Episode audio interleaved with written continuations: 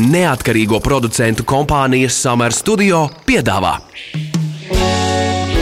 Ķepa uz sirds par viņiem, mūsu pašiem labākajiem draugiem.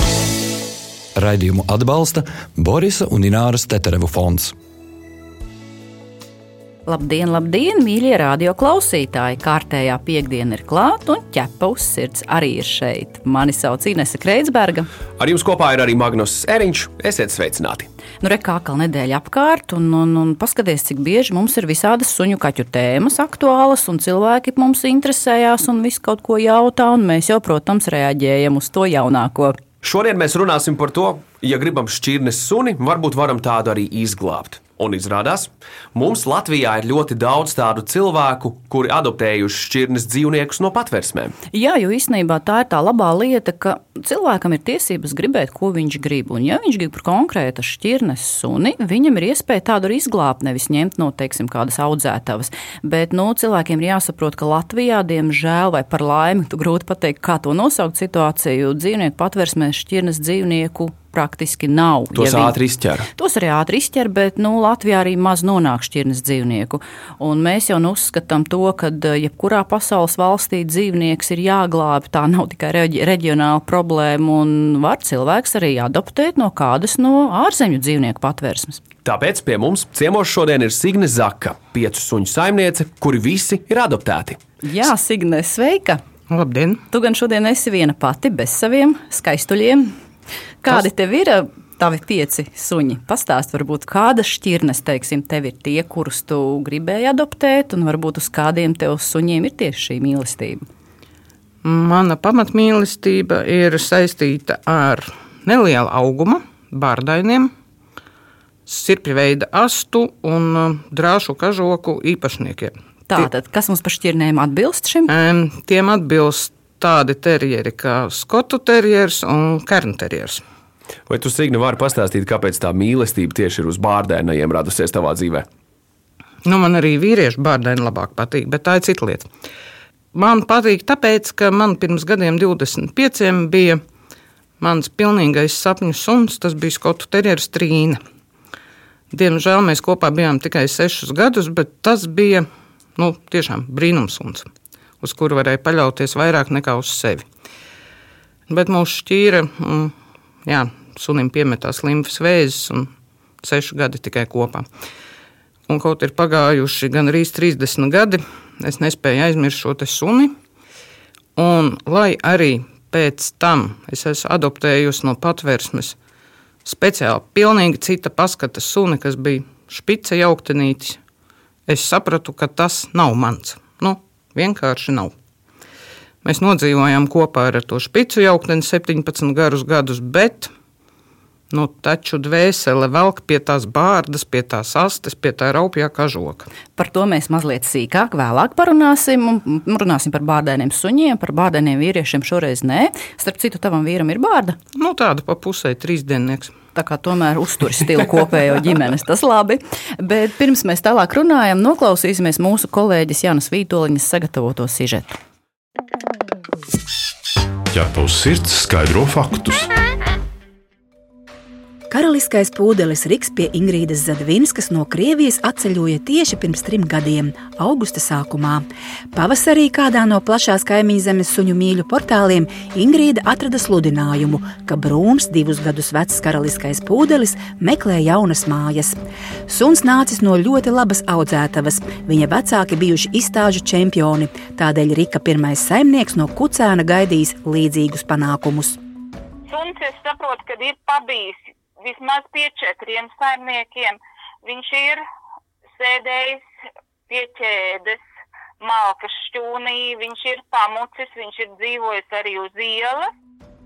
Suņa ceļš uz jaunajām mājām bijis no Nižnī Novgorodas līdz Sanktpēterburgai, ko viņš veicis iepriekšējās saimnieces pavadībā, bet līdz Rīgai pūdeli atveda suņu pārvadātājs. Savukārt, lai adoptētu no Spānijas Greinhaudu, jeb Galgo šķirnes suni Luna Mar, Diānai Sūnai bija jākomunicē ar divu valstu pārstāvjiem. Pats suns atradās Seviļā, bet suņu glābšanas biedrība Itālijā. Viņi ir viens no tiem suņiem, kas uh, nonāca uz ielas pēc tam, kad tika atzīti par nederīgu savai kaļerai, kas bija trušu medības. Diana pēc suņa uz Spāniju brauca pati, un visa adopcijas process ilga piecas nedēļas. Pirms septiņiem gadiem savu Greinhaudu no īrijas adoptēja Žanita Kārkliņa. Tiesa, šī adopcija ilga gandrīz pusgadu. Arī Žanita eksaminēta ļoti detalizēti, lai noskaidrotu, vai potenciālie saimnieki ir gatavi rūpēties par šo šķirnes suni bija tāda mazliet aizķeršanās ar to, kad viņi uzzināja, ka mēs abi strādājam. Tas nozīmē, ka pa dienas vidu e, suns e, kā kādas noteiktas stundas ir viens pats mājās, bet nu, mēs kā pārliecinājām, ka vismaz pirmajā laikā noteikti pusdienlaikā kāds no mums atbrauks un paskatīsies un izvedīs ārā, ja vajadzēs un tā tālāk, ka tā nebūs problēma. Jaunajiem saimniekiem īpaši piemeklēts trīsgadīgais spaiks, bet pirms izšķirošā lēmuma ģimenes dzīves apstākļus ieradusies pārbaudīt patversmes pārstāve Baltijas valstīs. Viens no viņas jautājumiem, par ko Žanita ar dzīves biedru pat nedaudz uzjautrinājušies, vai sunim dzīvoklī būs savs dīvāns. Kad spēks pie mums jau dzīvo septiņus gadus, tad mēs saprotam tiešām, ka šiem suņiem vajag eh, garas pastaigas un, un, un, un aktīvu darbošanos, bet tad, kad viņš ir mājās, viņam vajag dīvānu. Latvijas dzīvnieku patversmēs visbiežāk nonāk to šķirņu suņi un kaķi, kas šī brīža situācijā ir populāri. Saimnieki šos dzīvniekus izvēlas nedomājot, vai tie ir viņiem piemēroti. Kad saprot, ka kļūdījušies, atved uz patversmi, stāsta dzīvnieku patversmes labās mājas vadītāja Astrīda Kārkliņa. Tie ir nu, medību suņi, tie ir džekrasselterieri, tie ir bīgli, tie ir tāda vidēja auguma, īspalvaini sunīši, arī taksīši tai pašā skaitā, kurus šķiet, o, oh, tas būs labi dzīvokli, mīsa spalva, maza auguma. Pilnīgi neaizdomājoties, paga, paga, bet tie taču selekcionēti kaut kādam mērķim. Daudz kustības, taksis raks dārzu, Džeks Rasels skriest prom, kā to ar viņu tiksi galā. Tiesa, tikko kā patversme izvieto sludinājumu, ka mājas meklē šķirnes suns, adoptētāju interese ir milzīga, un šķirnes dzīvniekiem vienmēr tiek atrasts jauns saimnieks. Ķerpa uz sirds, diskutē. Nu, re, tik daudz stāstu un tik laimīgas sastapšanās.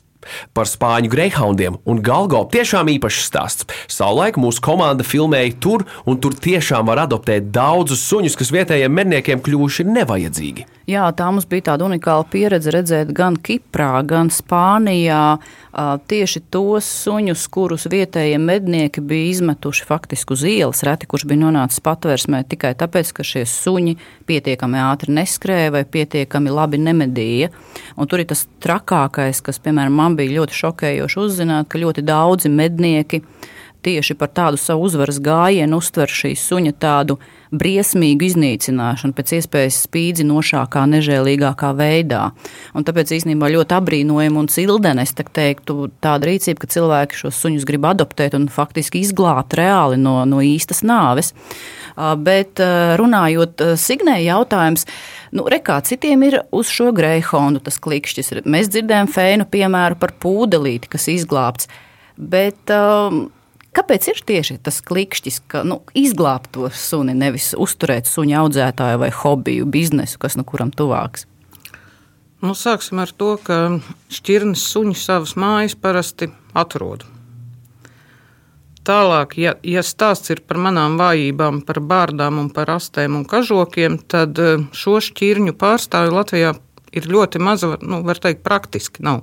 Ir pāris audzētavas gan skotu terjeriem, gan kernterjeriem. Un, um, paldies Dievam, šo audzētavu īpašnieki savus kucēnus nodod atbildīgās rokās, un tie Latvijā noteikti nenonāk patvērsmēs. Nu, praktiski var teikt, nekad. Nu, ja kāds aizbēg uz brītiņu, un tas tiek atkal atrasts un nodots patvērsmē. Taču tas absolūti, kā to teikt, nav manā interešu lokā iegādāties vienkārši šķirnes suni. Jo man kaut kā kopš bērnības, nu, laikam pat daudz bijuši zooloģiski teksti no Džeralda Darela, no visiem Gržimekiem un visiem citiem dabas zinātniekiem. Man kaut kā tas glābšanas instinkts ir kopš bērnības. Tieši par to runājot, tu pieminēji tikko tuvās ārzemes Latvijai, no kurienes ir nākuši tavi suņi, vai tu vari nosaukt visas valstis. Un domājot par to, vai tu vari pastāstīt, kā atšķirās birokrātija valstu starpā un Latvijā. Es varu pastāstīt to pieredzi, kas man ir, kā tas ir šobrīd. Pēdējos trīs gadus neesmu neko adoptējusi, tas man nav ļauts.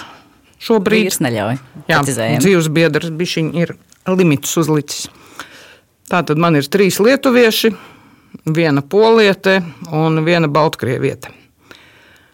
Protams, ka pieredze ar lietuviešiem pirmā man bija 2011. gadā, kad dzīvojām vēl Rīgā un, un, un mūsu sune izskatījās deviņu gadu vecumā veca. Un es gribēju, lai ir kāds līdzinieks, ko viņi varētu apmācīt, nu, un kas varētu turpināt kopdzīvi ar mums. Tad es netīšām ieskatījos interneta lapā, kas apvienoja visas trīs Baltijas valstis.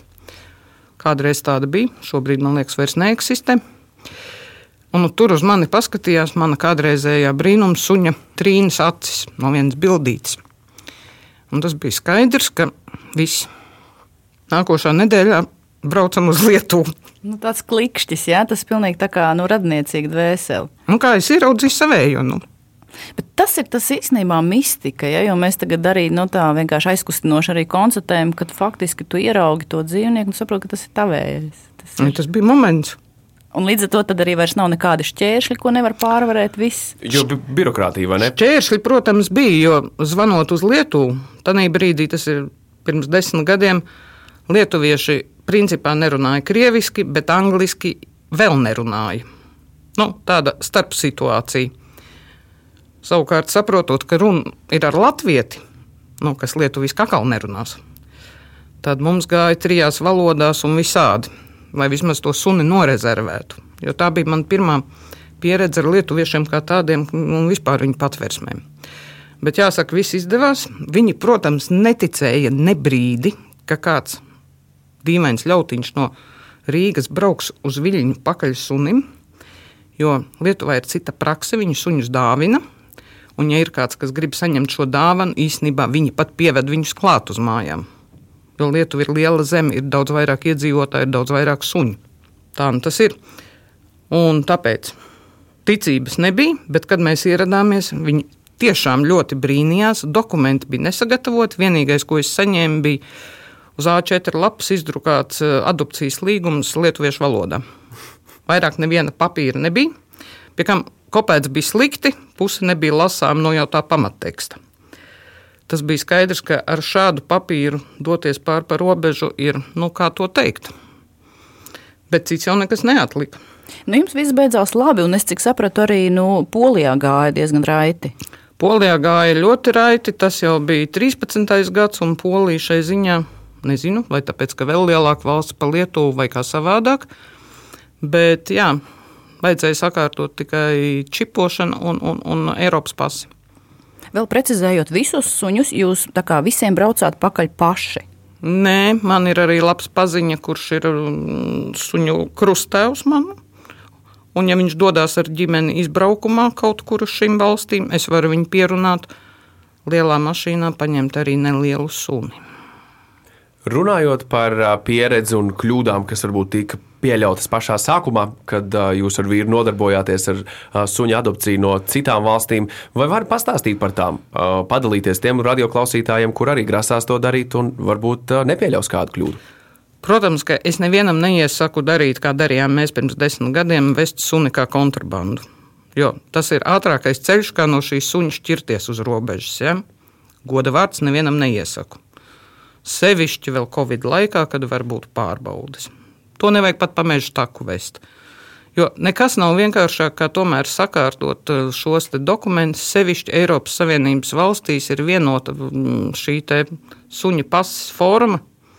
Man, piemēram, suņiem katram ir savādākā valodā šī pasa, bet nu, zilie vāciņi darbojas Latvijā, jo tas ir Eiropas Savienības paraugs. Nu, un, protams, čipošana. Kas Latvijā ir liela problēma, tā vienmēr ir šī čipa pieregistrēšana. Bet tā ir tikai problēma Latvijā. Visur citur tas notiek automātiski. Šis noteikti ir mirklis, kurā daudz radioklausītāji domā pie sevis, nu cik tas izmaksā.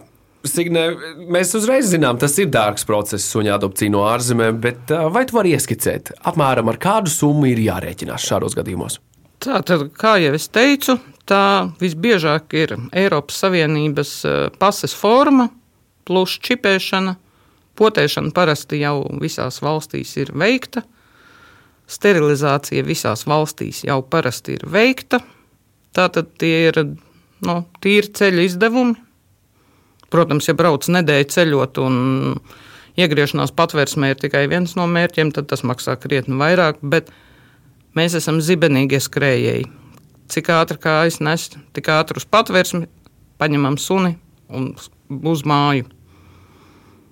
Mēs nevaļojamies pa ceļam, līdz ar to tie tēriņi ir nu, tīri degviela plus nu, tie maksājumi. Kas ir šīs tajā, tās patvērsmes izmaksas, tā saucamās? Jā, jo tas ir, ko Signes saka, tā arī ir. Jo mēs tieši arī šo, par šo jautājumu interesējamies. Savulaik mēs paši ķepus sirds filmējām. Tātad, principā, Kiprā, piemēram, pārsvarā ir Husky, Pūdelīši, Basenģi, bīgli, kas ir interesanti, vai ne? Un tur ir ļoti populāra šī adopcija uz ārzemēm. Tur, principā, tiek arī nu, gaidīts, kad apmaksā šīs avio izmaksas.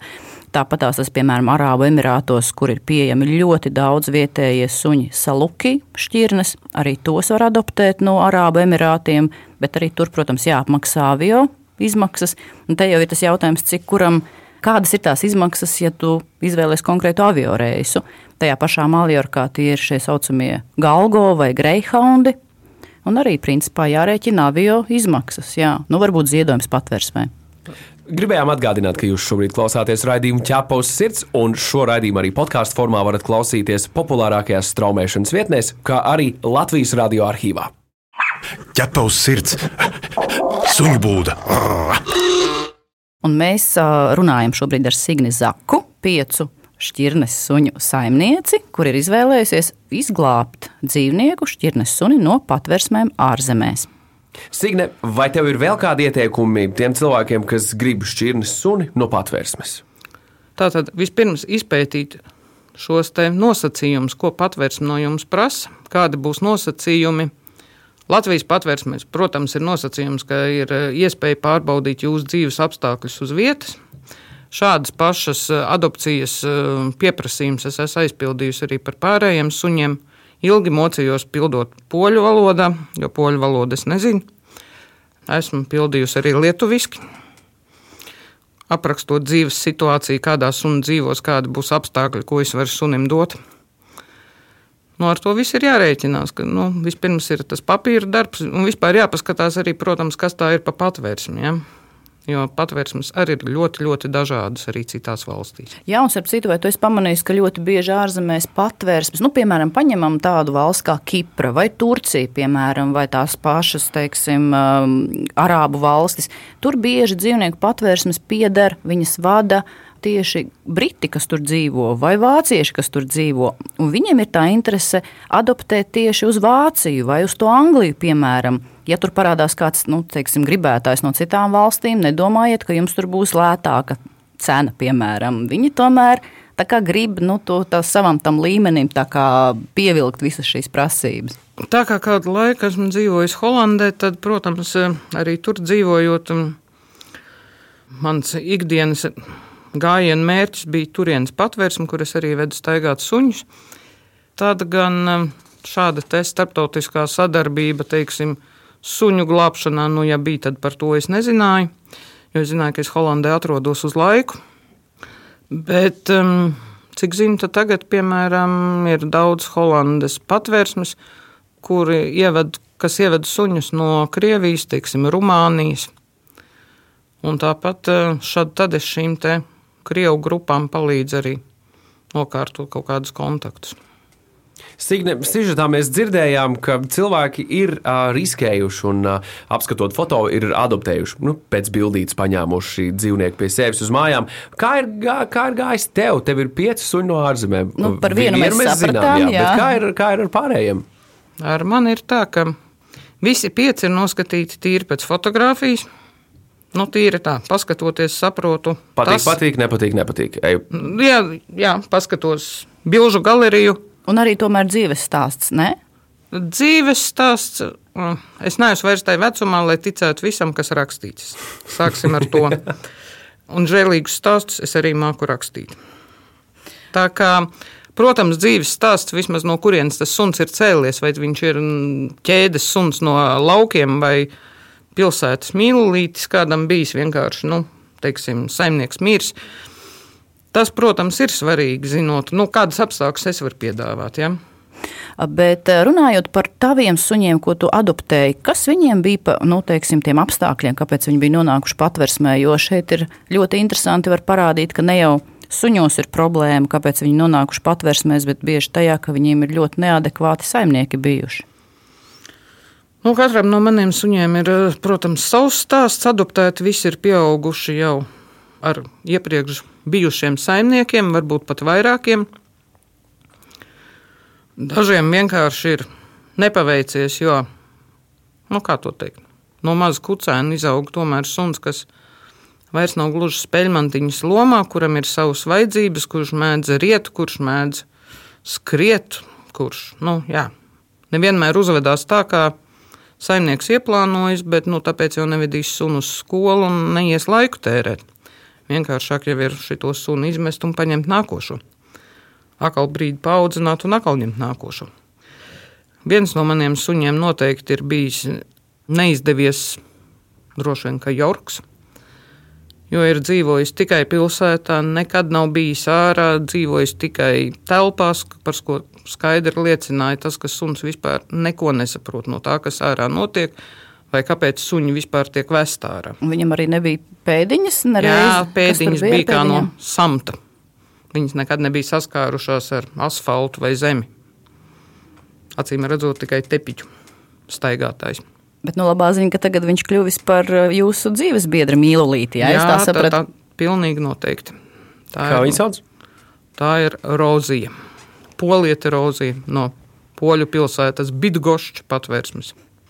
Mūsu tālbraucēji.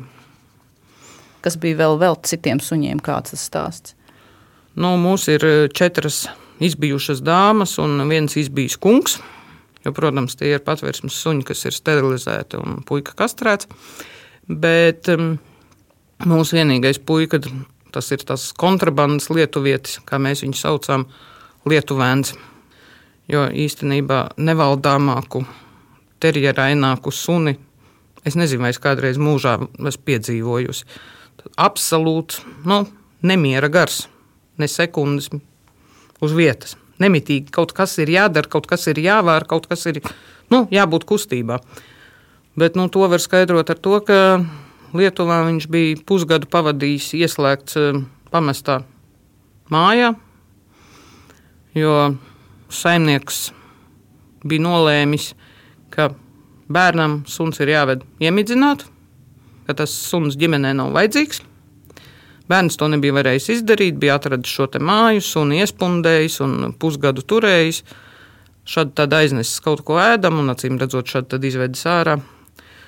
Un tā nu mēs nonācām tā fakta priekšā, ka nu, tas tēvs beidzot bija uzzinājis, ka tas suns joprojām dzīvs, pats bija devies uz pie ārsta suni midzināt, turpat blakus ir patvērsme, patvērsme bija paņēmusi to suni.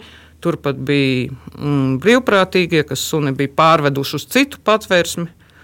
Tur viņš ir nonācis, tā es viņu ieraudzīju, un tā mēs tikām pie šī suņa, kurš pusgadu vispār bija dzīvojis ārprāta apstākļos. Vai kādreiz jums ir bijusi tāda situācija, braucot pakaļ mājdzīvniekam uz patvērsmi, vai, vai ir bijis tā, ka iepatīkas kāds cits? Nē. Nu, ja joprojām nevar aizmirst kādu citu suni, Nē.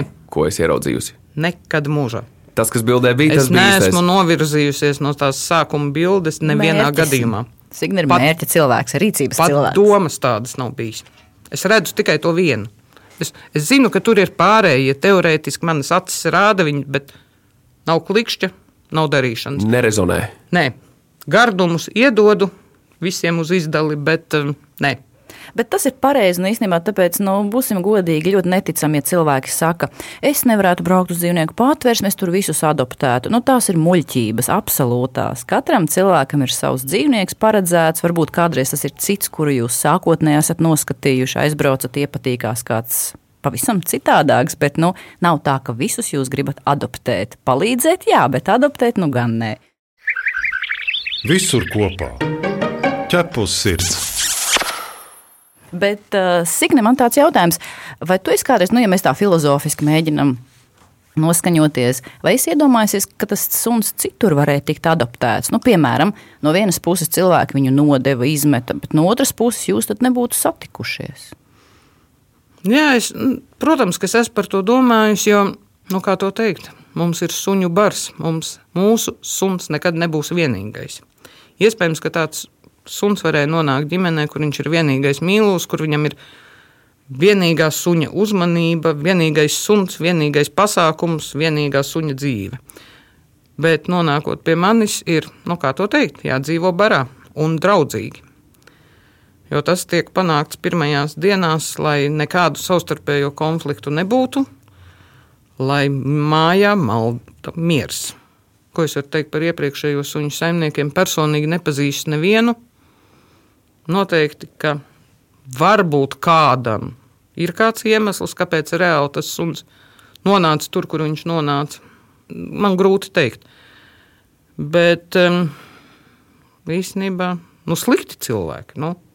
Bet ko tu teiktu, piemēram, konkrētam saimniekam, ja tu viņu nejauši satiktu uz ielas, tu varētu tā mierīgi paiet garām? Es neticu, ņemot vērā tev tāds karavīgs, tomēr raksturs daba. No vienas puses gribētos nedaudz ieklapēt, Bet no otras puses, tomēr jāsaka tas lielais paldies, jo tiešām visi šie apstākļi ir radījuši to situāciju, ka mēs esam satikušies ar savējiem. Tā kā, jā. Man uh, viens stāsts ir, um, kur viena sieviete stāstīja, ka viņa izglāba sunīti, kuru kā senioru bija vienkārši saimnieki izmetuši uz ielas, un viņi gāja ar viņu un bija satikts iepriekšējais saimnieks. Un tas suns vienalga bija meties klāt, eh, nu, klāt tam bijušam saimniekam. Tad jaunā saimniece teica, ka viņa ļoti greizsirdīgi bija sajutusies. Nu, viņa negribēja, ka tas suns. Šādas situācijas manā dzīvē neiespējams, jo mēs ar suņiem nekad vairs nebraucam uz tām vietām, no kurienes viņi ir radušies. Tā mums. ir tā labā ziņa, tāpēc adaptēt no ārzemēm vajag. Un tev jācer, ka tie saimnieki nekad nebrauks turismā uz vietu, kur tu mitinies. Nē, es dzīvoju laukos, uz turieni viņi nebrauks. Tur nav ko darīt. Signe, vai tu vari uh, mums vēlreiz izstāstīt, kāpēc tieši tas īstākais gandarījums ir izglābt no patvērsmes dzīvnieku, nevis uh, nopirkt no audzētāja? Tāpēc, kā audzētājs suņus audzē ar mērķi, būs kucēni, būs cilts turpinātāji, cilts darbs Un, ja tas ir apzinīgs cilvēks, tad arī viņš piemeklēs pareizos saimniekus saviem visiem suņu pēcnācējiem. Tiešām rūpīgi tam pieies. Savukārt patvērsmē nonāk suņi, no kuriem to cerību ir krietni jau mazāk. Sevišķi pieaugušie suņi, tāpēc es nekad neskatos uz kucēniem patvērsmēs, jo kucēnus kaut vai uz laiku kāds noteikti paņems skatoties, kāda patvērsmē noteikuma un kāda līdzsekošana tālākai suņu dzīvei, visi suņu bērni mājas kādreiz atrod, agrāk vai vēlāk, bet pieaugušie suņi nevienmēr. Bet nu, tomēr šobrīd esošie pieci suņi ir limits tavā ģimenē, jeb tu tomēr kādam mazam brīnumam esi gatava. Brīnumiem es vienmēr esmu gatava, un, protams, ka suņu bildes skatos. Bet tas ir limits šobrīd. Vīrs tā saka, Signe, pa, pačakstēja. Vēl viens, vēl viens jautājums, Signe, kur suņi guļ jūsu mājās? Kur viņiem ir ierādītas vietas? Īstenībā viņi ir pieci, viņiem ir piecas gultiņas suņu. Tikai vai viņi tur guļ, tas nu ir cits jautājums. Pirmkārt, mums nav iezīmēts gultiņš, ka tas ir tikai rozijai, tas ir tikai kerim, tas ir kernai, tas ir pupai. Nē, tā mums nav. Viņi visi mainās ar šīm vietiņām bet tikai tad, kad nu, ir tāda spiesta lieta, ka ir jāguļ tajās gultiņās. Īsnībā, protams, viņi dzīvo pādas divāniņiem. Nu. Pagaidām, jūs savā gultā nelaižat viņus? Kas tas tagad būs? Um, visi pieci, piemēram, to nemaz nevēlas darīt. Mums ir trīs tādi caurskrējēji. Viņi pa laikam iegriežas pa nakti, bet tad viņi atkal aizgriežas no mums. Mums notiek kustība panākt, bet pie tā viss sen ir pieraduši. Neviens tam nepievērš uzmanību, un to vispār neviens nejūt šo pārvietošanos. Un neprotestē. Mēs tā arī sapratām. Tu esi mans draugs, ķepus sirds. Paldies, Signē. Signe šodien pie mums bija studijā. Signe Zaka, um, nu, teiksim, iedvesmo arī citus adoptēt šķirnes suņus no patvērsmēm ārzemēs. Mīļš, paldies, Signe! Bet, Magnus, ko mēs dzirdēsim nākamajā nedēļā? Kas mums ir aktuāls? Tātad, klausies, gribu suni, bet nezinu, kāds man piemērots. Redzi, kā zināt, kur izvēlēties? Jā, jo īstenībā šķirnes ir nu vairāk kā 400 oficiāli atzītas suņu šķirnes. Kā nenokļūdīties, kā saprast, kas man der un kam vispār prasīt padomu? Kā arī kā izvairīties no krāpniekiem kucēnu pirkšanas procesā. Bet par to visu nākamajā nedēļā. Bet šajā raidījumā tas ir viss. Mani sauc Inese Kreitsberga. Mani sauc Magnus Eriņš. Raidījumu veidoja neatkarīgo producentu kompānija Summer Studio. Visu labu! Atā! Ķepa uz sirds! Informatīvi izglītojoši raidījums par dzīvnieku pasauli un cilvēkiem tajā. Raidījumu atbalsta Borisa un Ināras Teterevu fonds.